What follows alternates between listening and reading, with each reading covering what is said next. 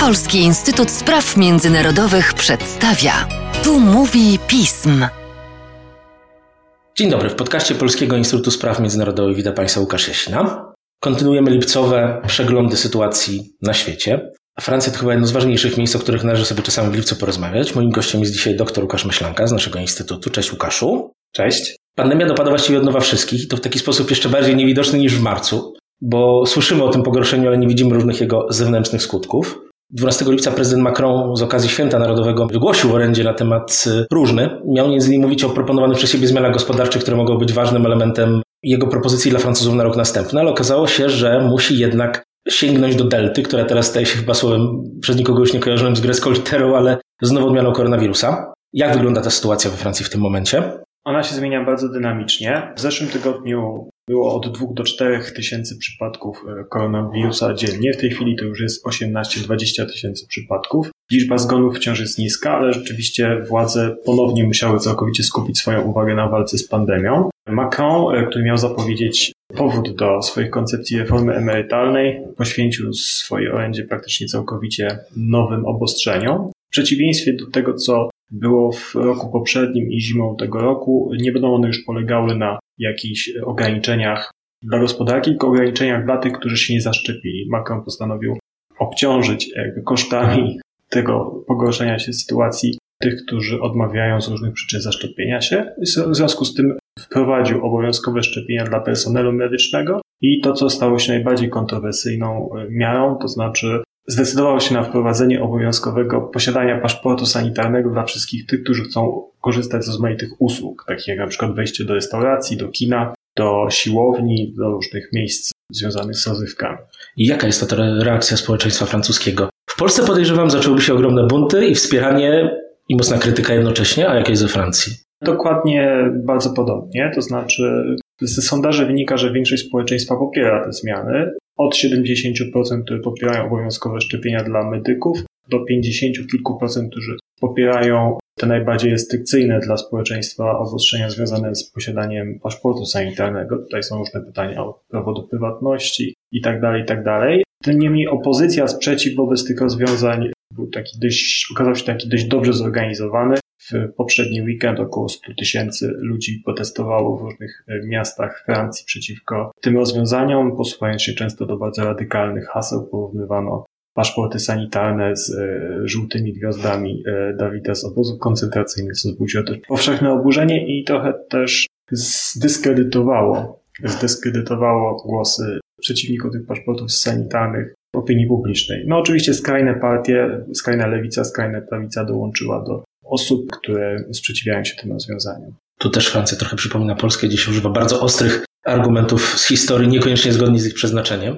To orędzie miało dotyczyć m.in. kwestii reformy emerytalnej, o czym wspomniałeś. Problemy gospodarcze, problemy z emeryturami, systemem, który im nie zarządza, nie znikną przez COVID, a wręcz przeciwnie, mogą się zwiększyć. Mamy dług covidowy w każdym państwie odrębny, jeszcze ten europejski będzie. Już nie wchodźmy w to wszystko. Jakie są plany prezydenta Macrona na reformy tego bardzo skomplikowanego systemu, z którym chyba właściwie żadne państwo na świecie, żaden kraj sobie nie poradził do końca?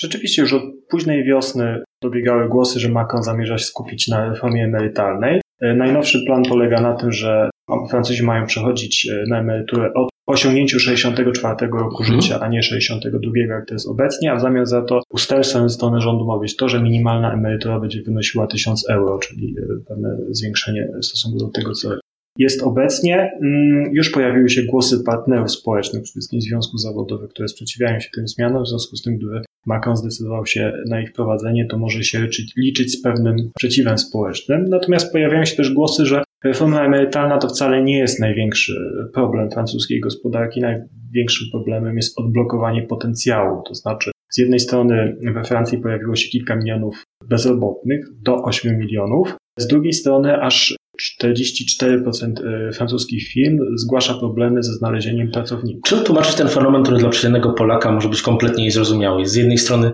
poszukiwanie pracy, z drugiej strony brak e, potem pracowników i uszkodzenie właściwie działalności ogromnej części francuskiej gospodarki przez to. No wygląda na to, że pomoc społeczna i różnego rodzaju zasiłki są wciąż na tyle atrakcyjne, że spora część Francuzów, mając do wyboru podjęcie pracy, która nie do końca ich fascynuje i nie podejmowanie ich, wstrzymywanie się z podjęciem pracy, e, wybiera tę drugą ewentualność. E, I kolejna kwestia, którą trzeba brać pod uwagę, która odróżnia francuską gospodarkę i francuskie społeczeństwo od nas, jest e, ogromny poziom oszczędności. Francja to jest jednak społeczeństwo, w którym oszczędności dziedziczą się od wielu pokoleń. Z Francji mamy zresztą pojęcie rentiera, więc to coś tak, znaczy. Tak. One sięgają już prawie 200 miliardów euro, jeśli chodzi o to, co zostało nagromadzone tylko w okresie pandemii.